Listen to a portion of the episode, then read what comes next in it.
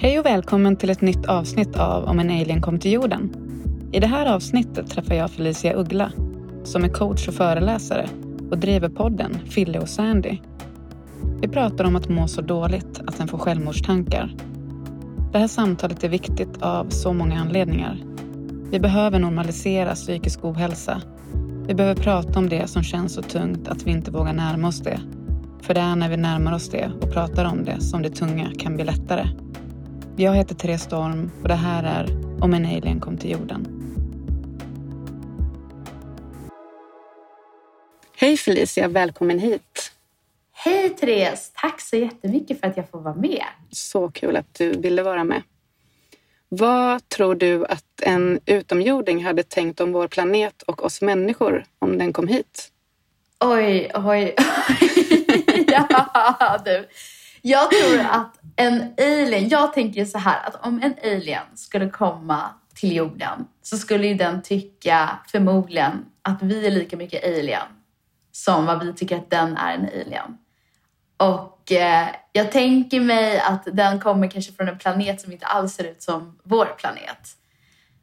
Så att förhoppningsvis kanske det skulle vara en alien som är så här, eller det här är min eh, förhoppning, att det är en alien som är nyfiken och bara wow, jag vill lära mig, vad är det här för någonting?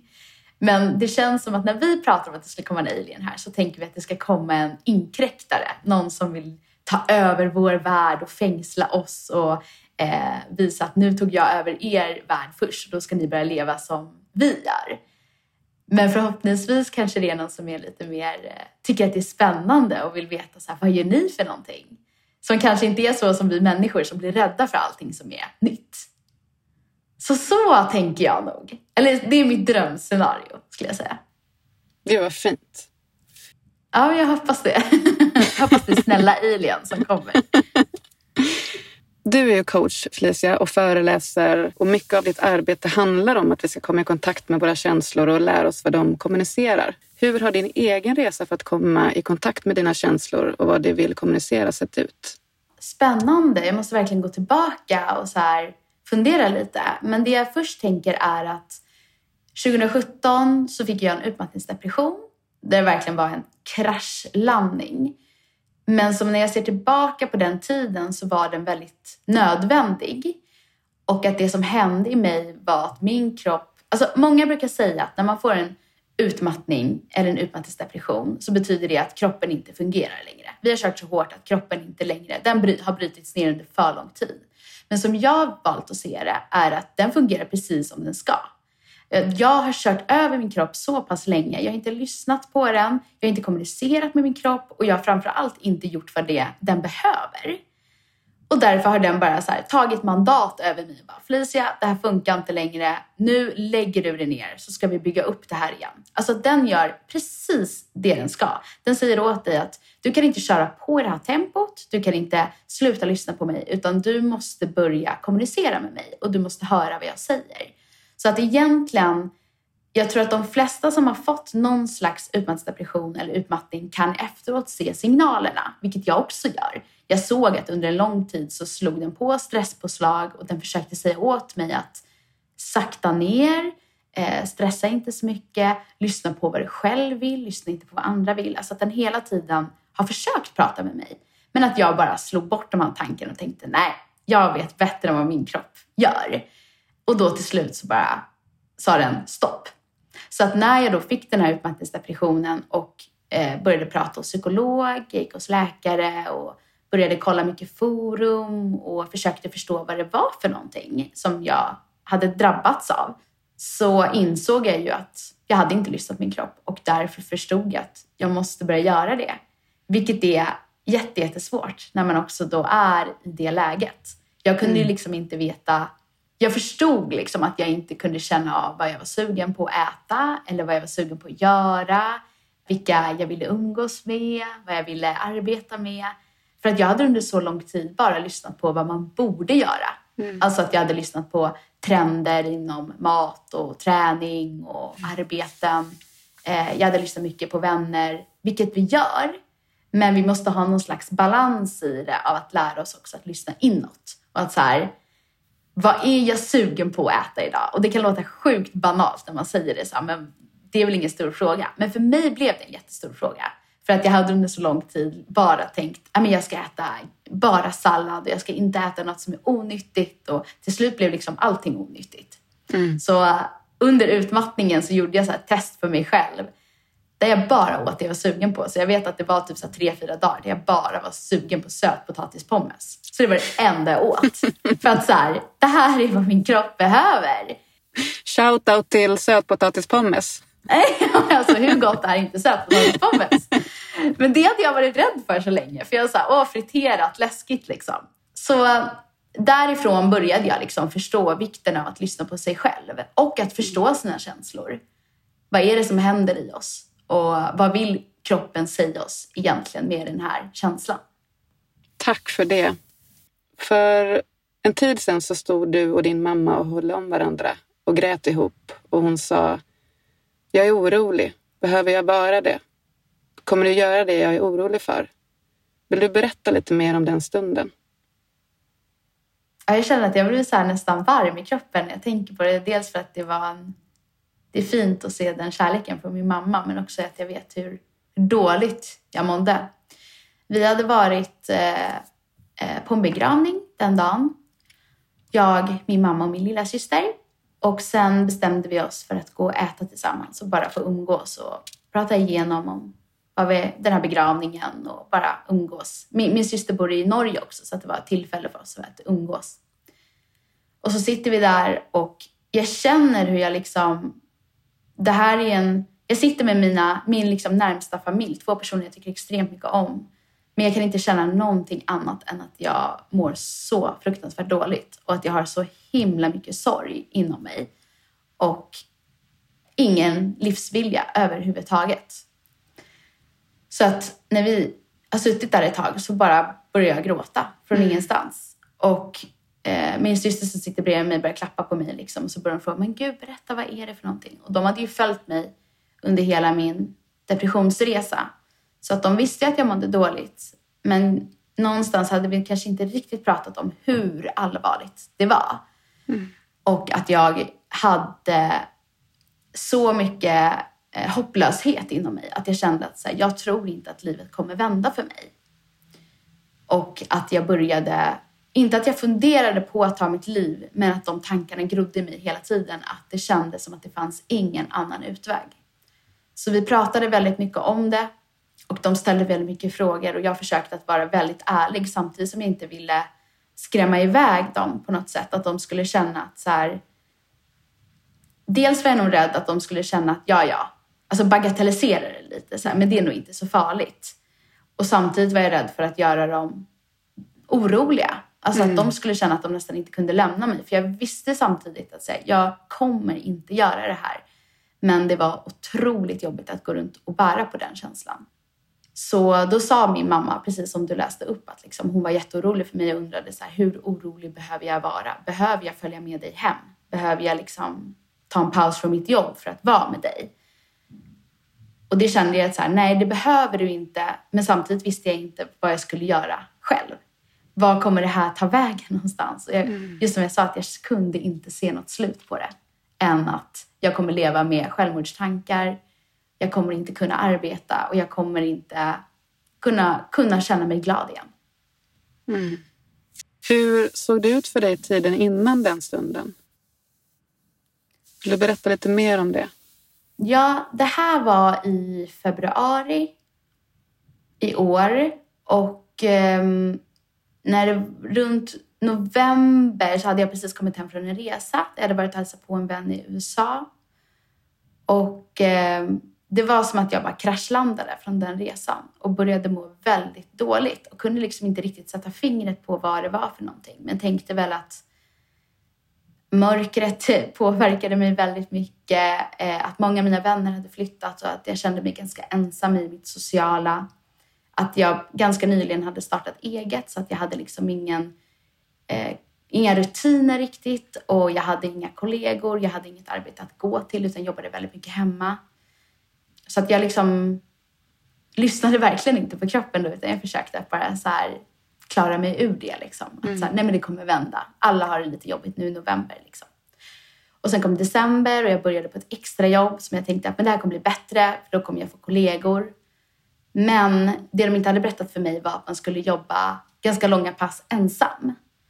Och det var ganska lite att göra, vilket gjorde att jag stod på den här arbetsplatsen och kände väldigt mycket ångest och fick väldigt mycket tid att tänka. Och då blev mitt mående ännu, ännu sämre. Just det, bra att lägga till också att typ tre månader innan det hade jag slutat med mina antidepressiva mm. som jag hade ätit då i två och ett halvt år ungefär. Men det tänkte jag liksom inte så jättemycket på. Nej. Och sen då i Eh, vid nyår så åkte jag och ett gäng iväg och bara skulle ha så här my, mysigt nyårsfirande. Eh, vi skulle åka skidor och bara ha det ja, men mysigt ihop, bara umgås liksom. Och jag kunde verkligen inte slappna av och jag hade inte roligt. Och då var jag ändå med några av mina närmsta vänner och kände att mm. här är ju safe space. Här kan jag vara den jag är. Jag behöver inte underhålla eller jag behöver inte fixa. Jag behöver liksom inte prestera för att bli omtyckt i den här kretsen. Men ändå så kunde jag bara känna hela tiden att vad jag gjorde var fel. Om jag gick och vilade för att jag behövde det så var det fel.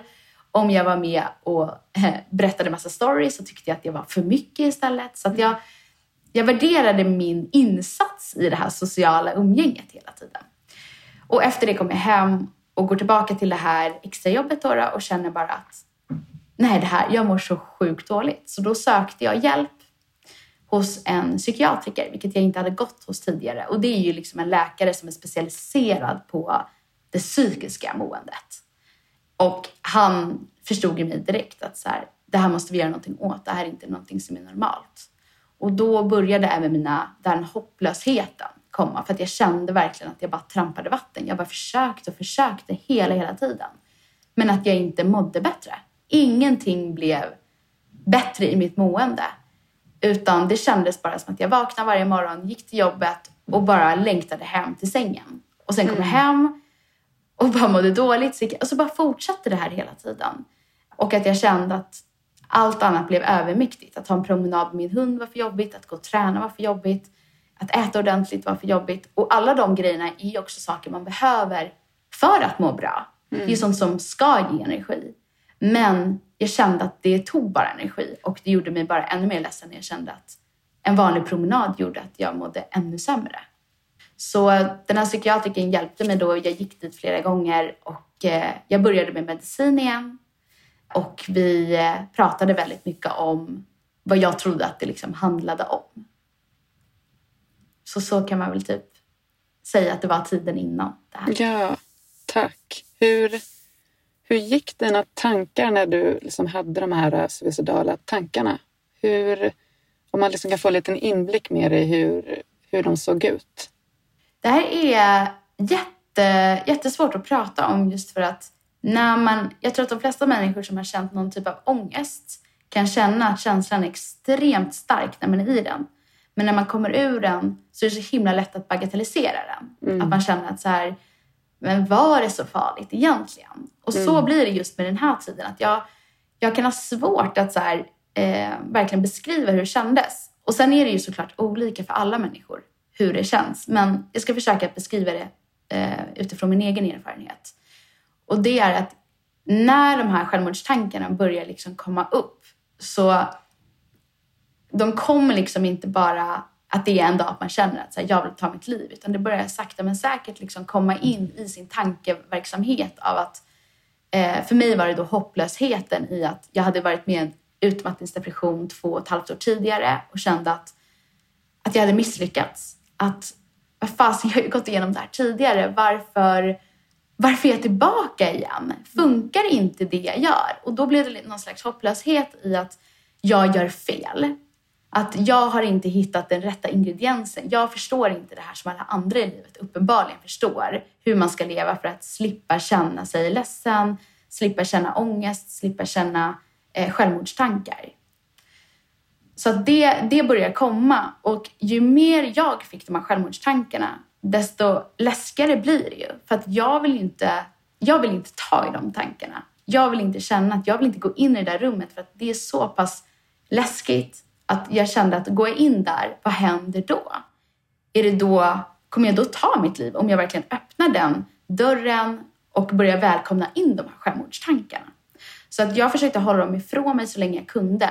Men till slut så kom det till en gräns när jag kände att mitt jobb blev övermäktigt. Att så här, jag står på mitt jobb och måste gå undan för att jag får panikångestattacker. För att det enda jag tänker på är att jag är fast i de här känslorna. Jag kommer inte ur det. Och jag minns extremt tydligt när det var, eh, jag står här på jobbet och så kommer det en, eh, en bekant till mig som dagen innan då hade bjudit med mig på en, typ ett eh, så här, kvinnonätverksevent. Liksom. Och så hade jag tackat ja till det men jag hade inte kommit då. då.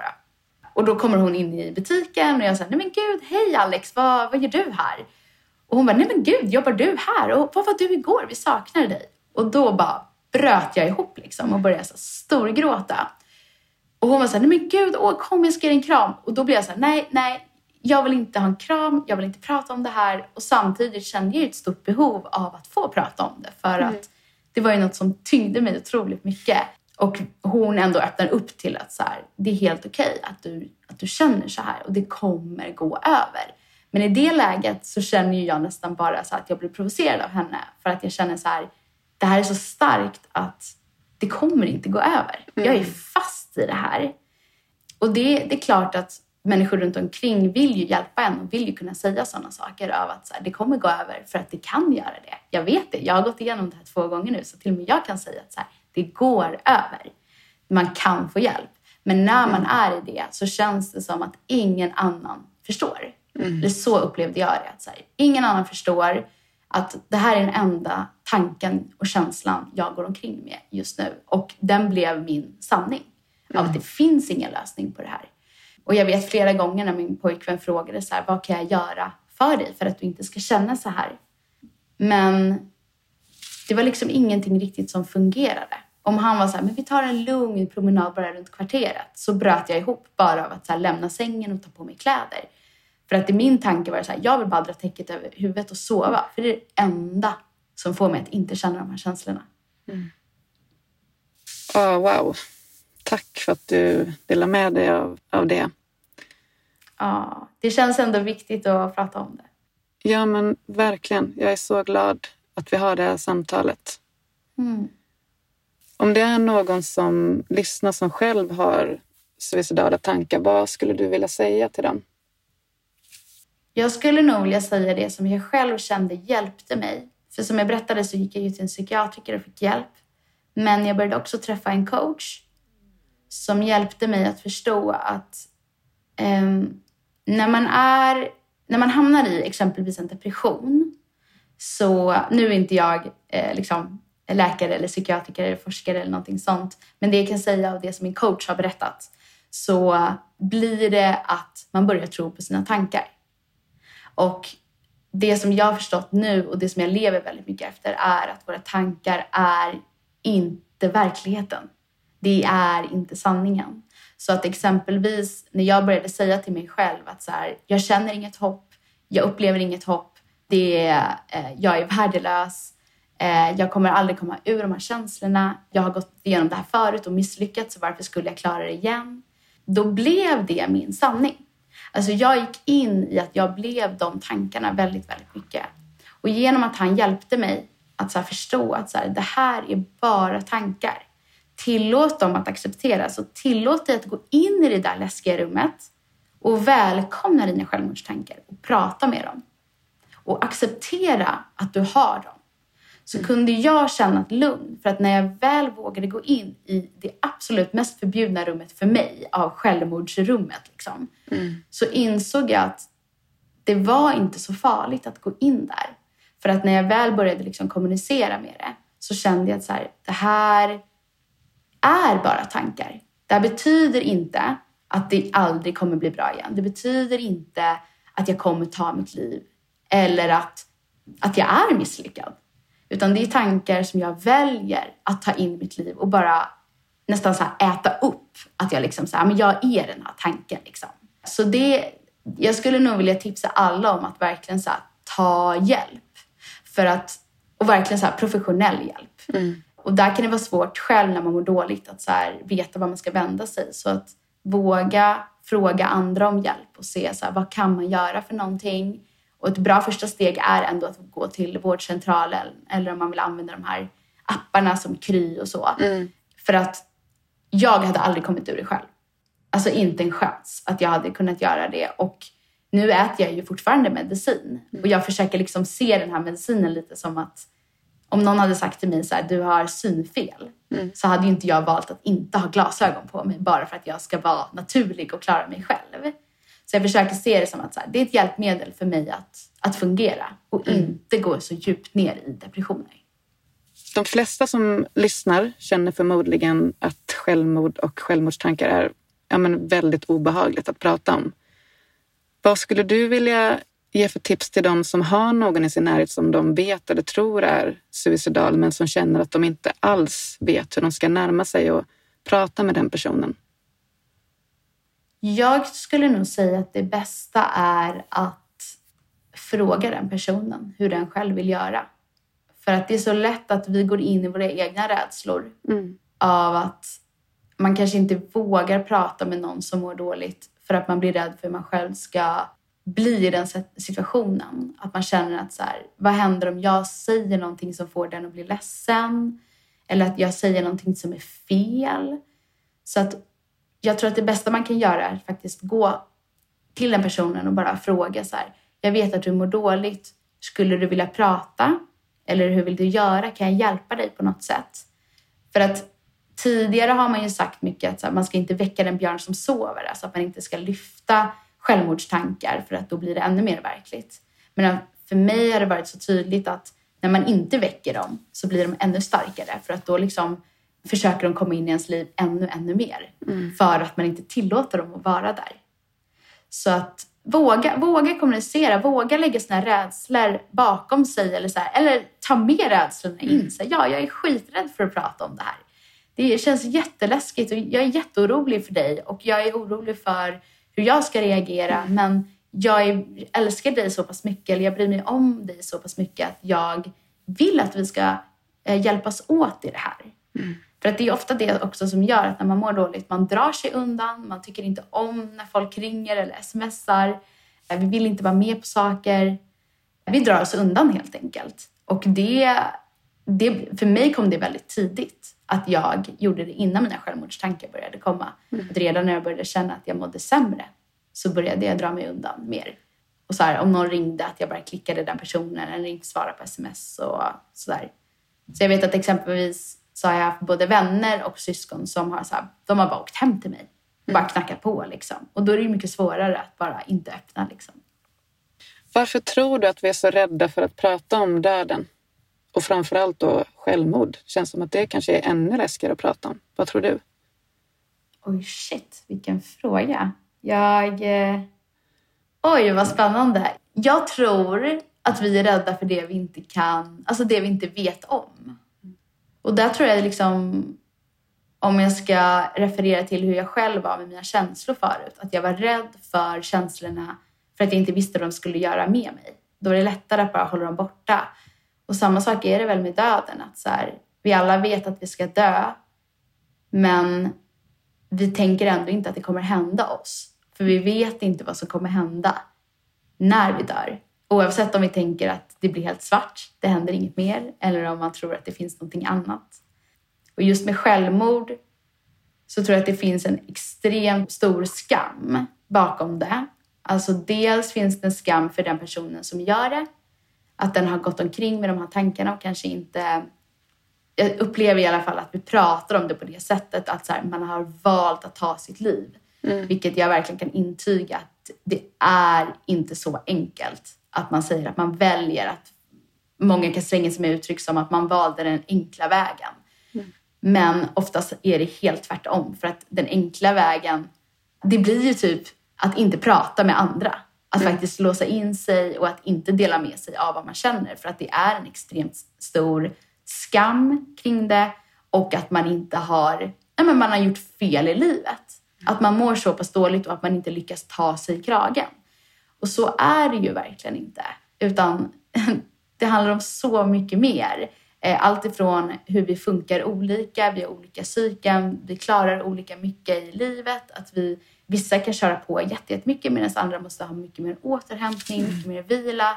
Andra liksom tycker om att prata om saker med folk medan vissa inte alls tycker om att göra det. Så att jag tror att det finns massa grejer i det. Om en person i ens nära krets eller kanske ett barn, en förälder skulle ta sitt liv så blir det ju väldigt mycket, alltså en stor skam för den som lämnas kvar. För att den känner att ett, den kanske inte visste om hur allvarligt det var eller att den inte gjorde tillräckligt mycket som den då känner. Så att det finns, jag tror att det är den stora grejen i det, är just det. Alltså skamkänslorna kring att ta sitt liv eller att någon nära en faktiskt gjorde det. Ja, den där skammen, den sätter sig verkligen ett grepp om oss i så många olika lägen. Den gör ju verkligen det. Alltså, och den behöver man ju prata mer om. Vad mm. är skam för någonting? Och så att tillåta oss att få, få känna saker. För att det är ändå någonting jag försöker leva väldigt mycket efter nu. Att så här, allting är övergående. Alltså att vi, vi kan prata mycket i livet om att vara lyckliga. Men lycka är också något som inte är för evigt. På samma sätt som att sorg eller olycka eller aggressivitet, alla saker. Det är saker som vi känner under en kort tid och sen så övergår det i någonting annat. Och samma sak är det med självmordstankar. Det är någonting som man kan ha, men man kan också bli av med det. Hur tror du att en alien hade sett på hur vi människor förhåller oss till döden? Jag inbillar mig att den här alien som jag pratade om tidigare, då, mm. som var nyfiken på och ställde frågor och ville veta hur vi lever. Den kanske skulle bli lite så här, hm, varför pratar vi inte mer om döden? Det roliga i det här är, min mamma är begravningsentreprenör, så hon är ju väldigt noga med att säga så här, personen har dött. Istället för som många säger att så här, personen har gått bort. Eller har, nu har den fått sin sista vila och sådana mm. saker. Att försöka att bara ta tillbaka det här ordet av att så här, vi dör. Personen är död. Vilket många kan uppfatta som väldigt brutalt. Men jag tror att det är viktigt att vi vågar göra det. Att så här, döden är en del av livet och att så här, våga ta det ordet i munnen och så här, normalisera det lite mer.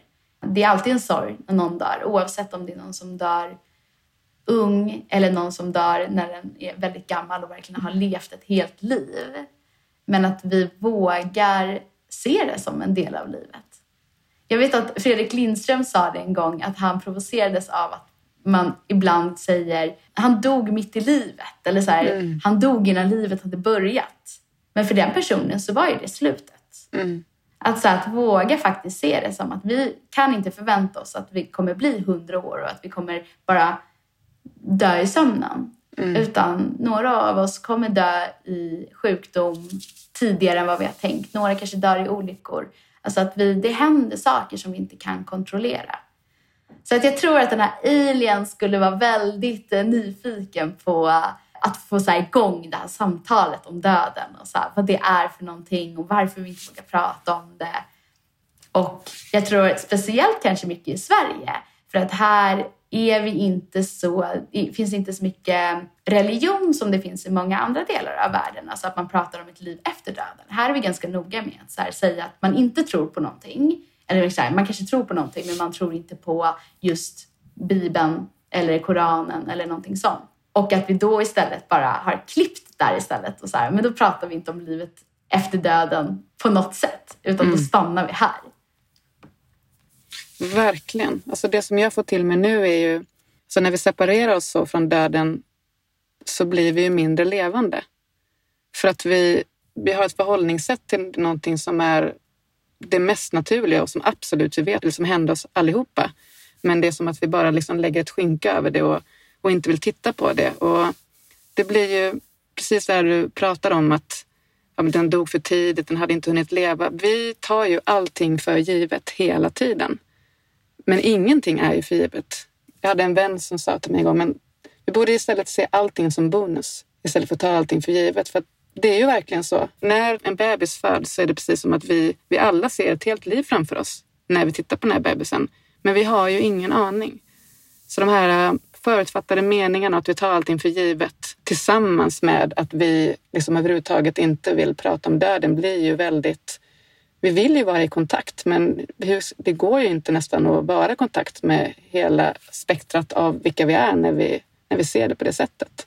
Nej, verkligen. Jag håller helt med dig om det. Att vi, och det är väl så som vi funkar väldigt mycket. Alltså jag tänker mycket på, det finns väl någon typ av besvikelse också i att dö ung eller bli mm. sjuk så att man kommer dö ung. Vilket så här, absolut, det skulle nog vem som helst känna.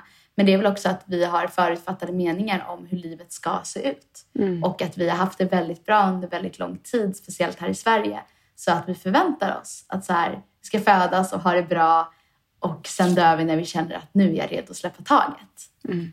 Men riktigt så är det inte. Att våga så här, ta in det mer av att så här, varje morgon man vaknar är en gåva om man får yeah. säga så. Det kan ju låta väldigt så löjligt. Men det är ju det.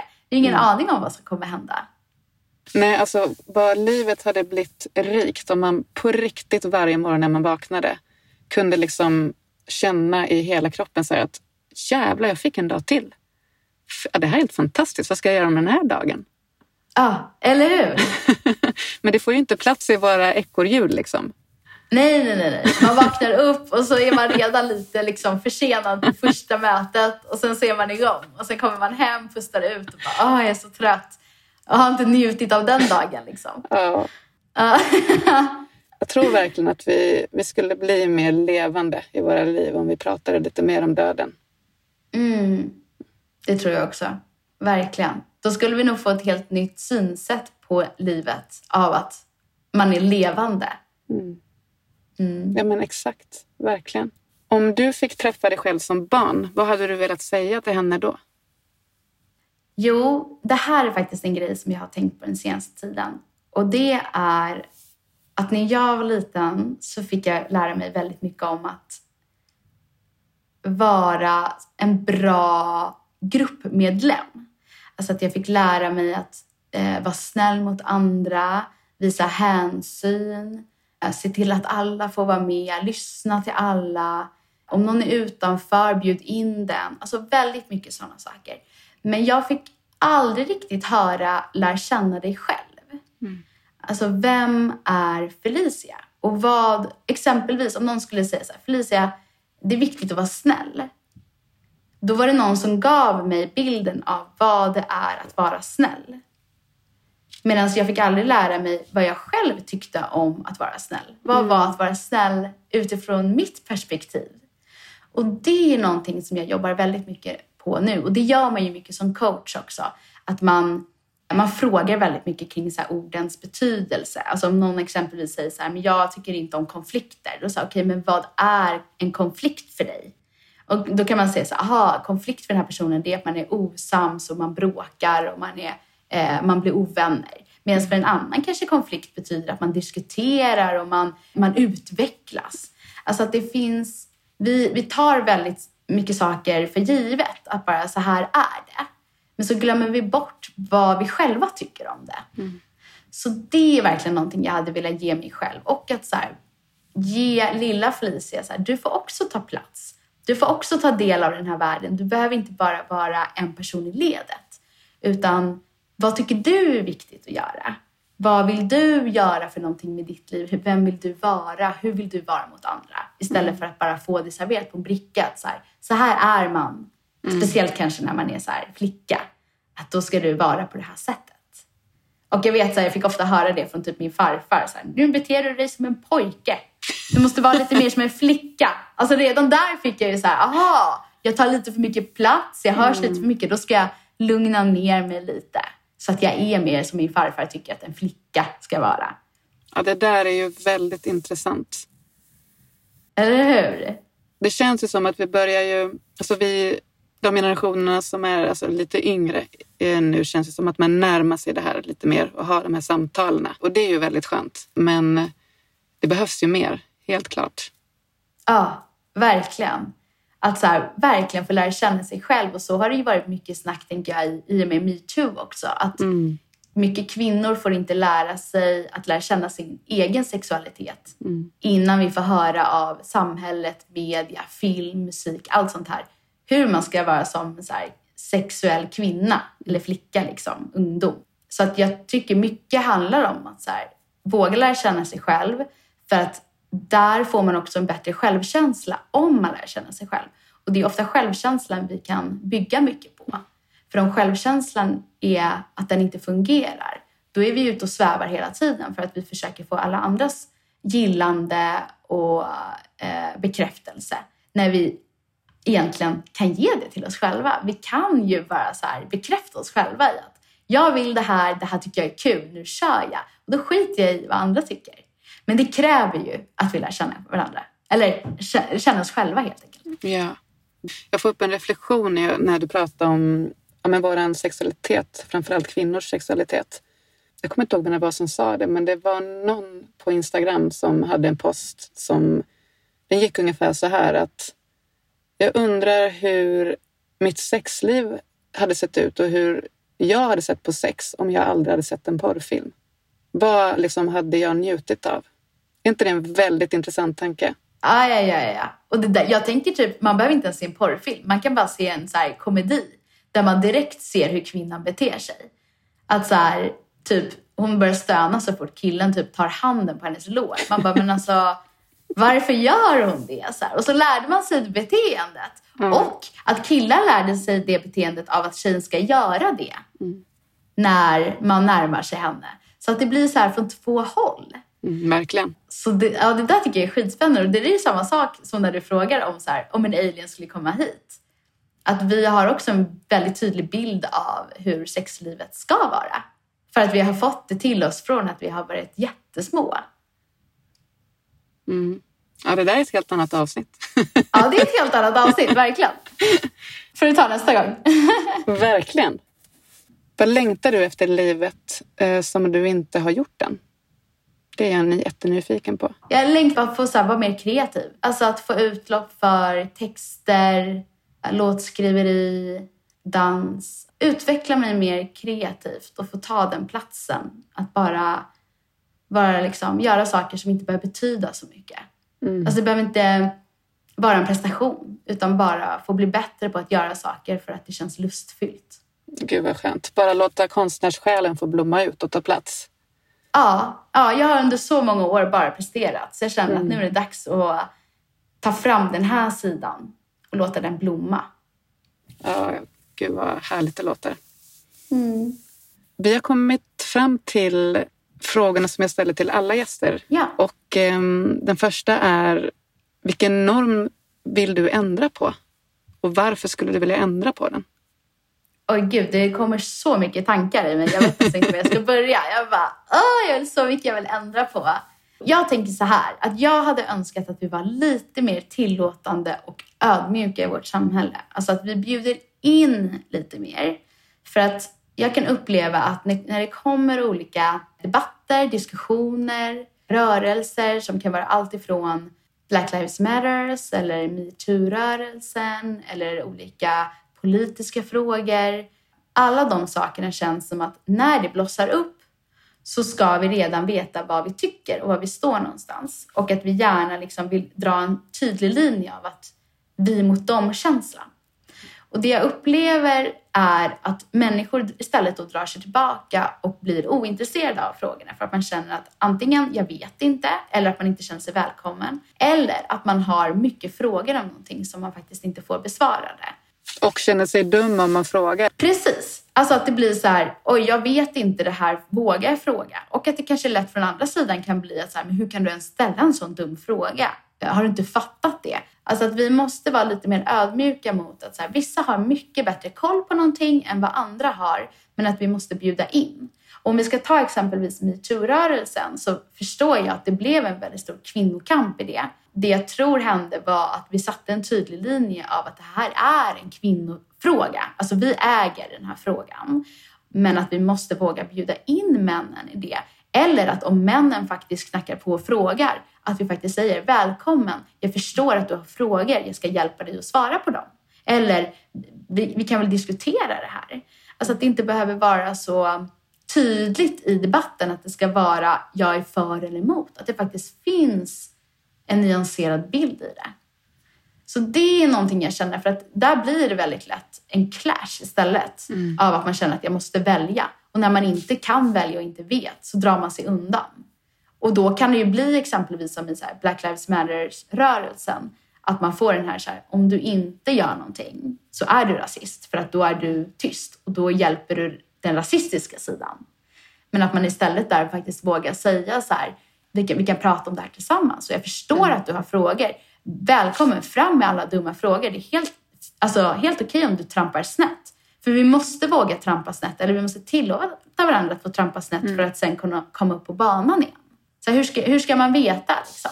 Där är någonting, och det, det kan ju mycket väl också vara media som eldar på. För media mm. vill ju väldigt gärna ha tydliga rubriker och en tydlig ståndpunkt där man inte riktigt vågar. Men det gör också att de media når ut till kanske inte får hela bilden av hur det är, vad som har hänt. Mm.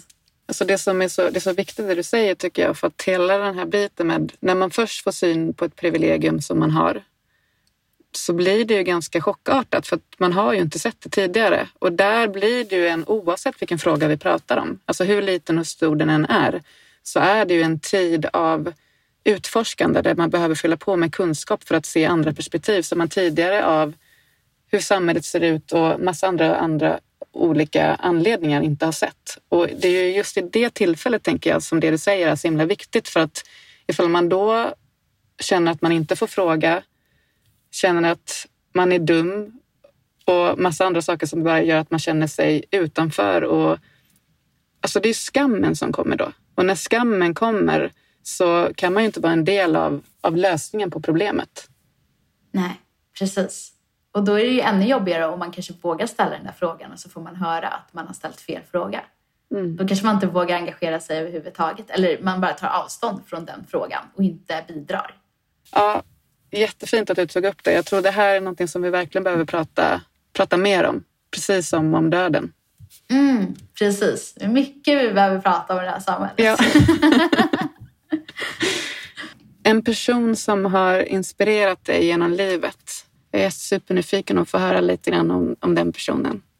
Där måste jag nog säga min bästa vän Sandy Stadelman som jag även har podden ihop med. Ja. Hon, vi lärde känna varandra 2014 när hon praktiserade på det företaget som jag jobbade på. Och hon fick mig verkligen att så här, ifrågasätta väldigt mycket. Mm. Alltså mycket mm, sättet jag levde på. Hon visade mig hur, alltså att våga drömma och sen faktiskt göra någonting av det.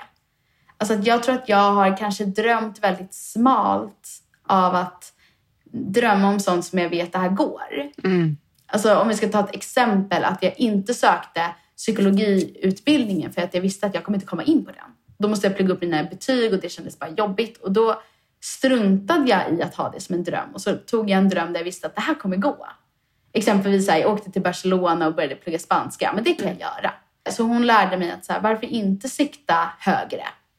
Och så här, göra jobbet som krävs för att komma dit. För att om det är det du har som dröm, varför ska du ha någonting annat som du förverkligar då istället? Gud vad vackert. Ja, men viktigt att tänka på att jag insåg att eh, hon fick mig att bli av mycket med så här jantetankar. Alltså att hon tar ju väldigt mycket plats och hon vågar vara den hon är på ett sätt som har fått mig att våga mycket mer. Så att ta fram mina barnsliga sidor, mina kreativa sidor, att strunta lite mer i vad andra tycker och inse att så här, Alltså det är så många människor som inte kommer tycka som jag gör, så varför ens bry sig? Det kommer ju bara hämma mig. Så hon har verkligen fått mig att så här, våga väldigt mycket annat och göra livet lite mer roligt. Att inte ta det så himla allvarligt utan så här, tycker jag det här är kul, ja men då kör jag på det. Sen vet inte jag vad det kommer leda någonstans. Men måste det leda någonstans? Oh, wow, alltså hon låter ju hur magisk som helst. Vad kul. Ja, men det är hon verkligen. Du skulle älska henne. Hon är Ja, men hon är free spirit, alltså bra sätt att beskriva henne på. Ja, vad fint. Tack. Mm. För att må bra i livet, vad tror du är viktigt för oss människor då här på jorden? Jag tror det finns flera saker. Men jag tror... Nu blir det ju väldigt att jag kanske pratar mot exempelvis Sverige. Alltså det är ju svårt för mig att prata mot hela världen eftersom det ser så olika ut. Om jag skulle ta exempelvis kanske de, de som lyssnar på den här podden så tror jag väldigt mycket på att tillåta sig att ha kul. Det tror jag är en jätteviktig ingrediens. Att så fort man känner att så här, jag tycker inte att det här är lustfyllt. Då tror jag att vi tummar väldigt mycket på oss själva. Våga vara nybörjare. Mm. Det tror jag väldigt mycket på. att så här, Försök inte vara bäst på allting första gången du gör det. Det blir så himla tråkigt då. Man blir bara besviken och sen så vill man typ inte göra det igen för att man känner att det här var inget för mig. Istället för den här nyfikenheten av att ja, men nu testar jag det här. Våga vara lite som ett barn liksom, som så här, testar att ställa sig upp för första gången. Liksom. Det kommer ju ramla. Ja, det var fint. Jättefin avrundning på den. Ja, alltså då kommer vi fram till sista frågan och den är helt enkelt om den som lyssnar vill ha mer av dig, Felicia. Vad, vad hittar den dig då någonstans? Jag finns på Instagram där är mitt namn, Felicia Uggla, Felicia med Z. Och sen så har jag ju då den här podden tillsammans med min kompis Sandy som heter Fille och Sandy. Eh, men sen så kan man ju såklart boka mig som coach och eh, då har jag en hemsida som heter feliciaugla.com. Så jag försöker typ så här formulera vad jag känner just nu.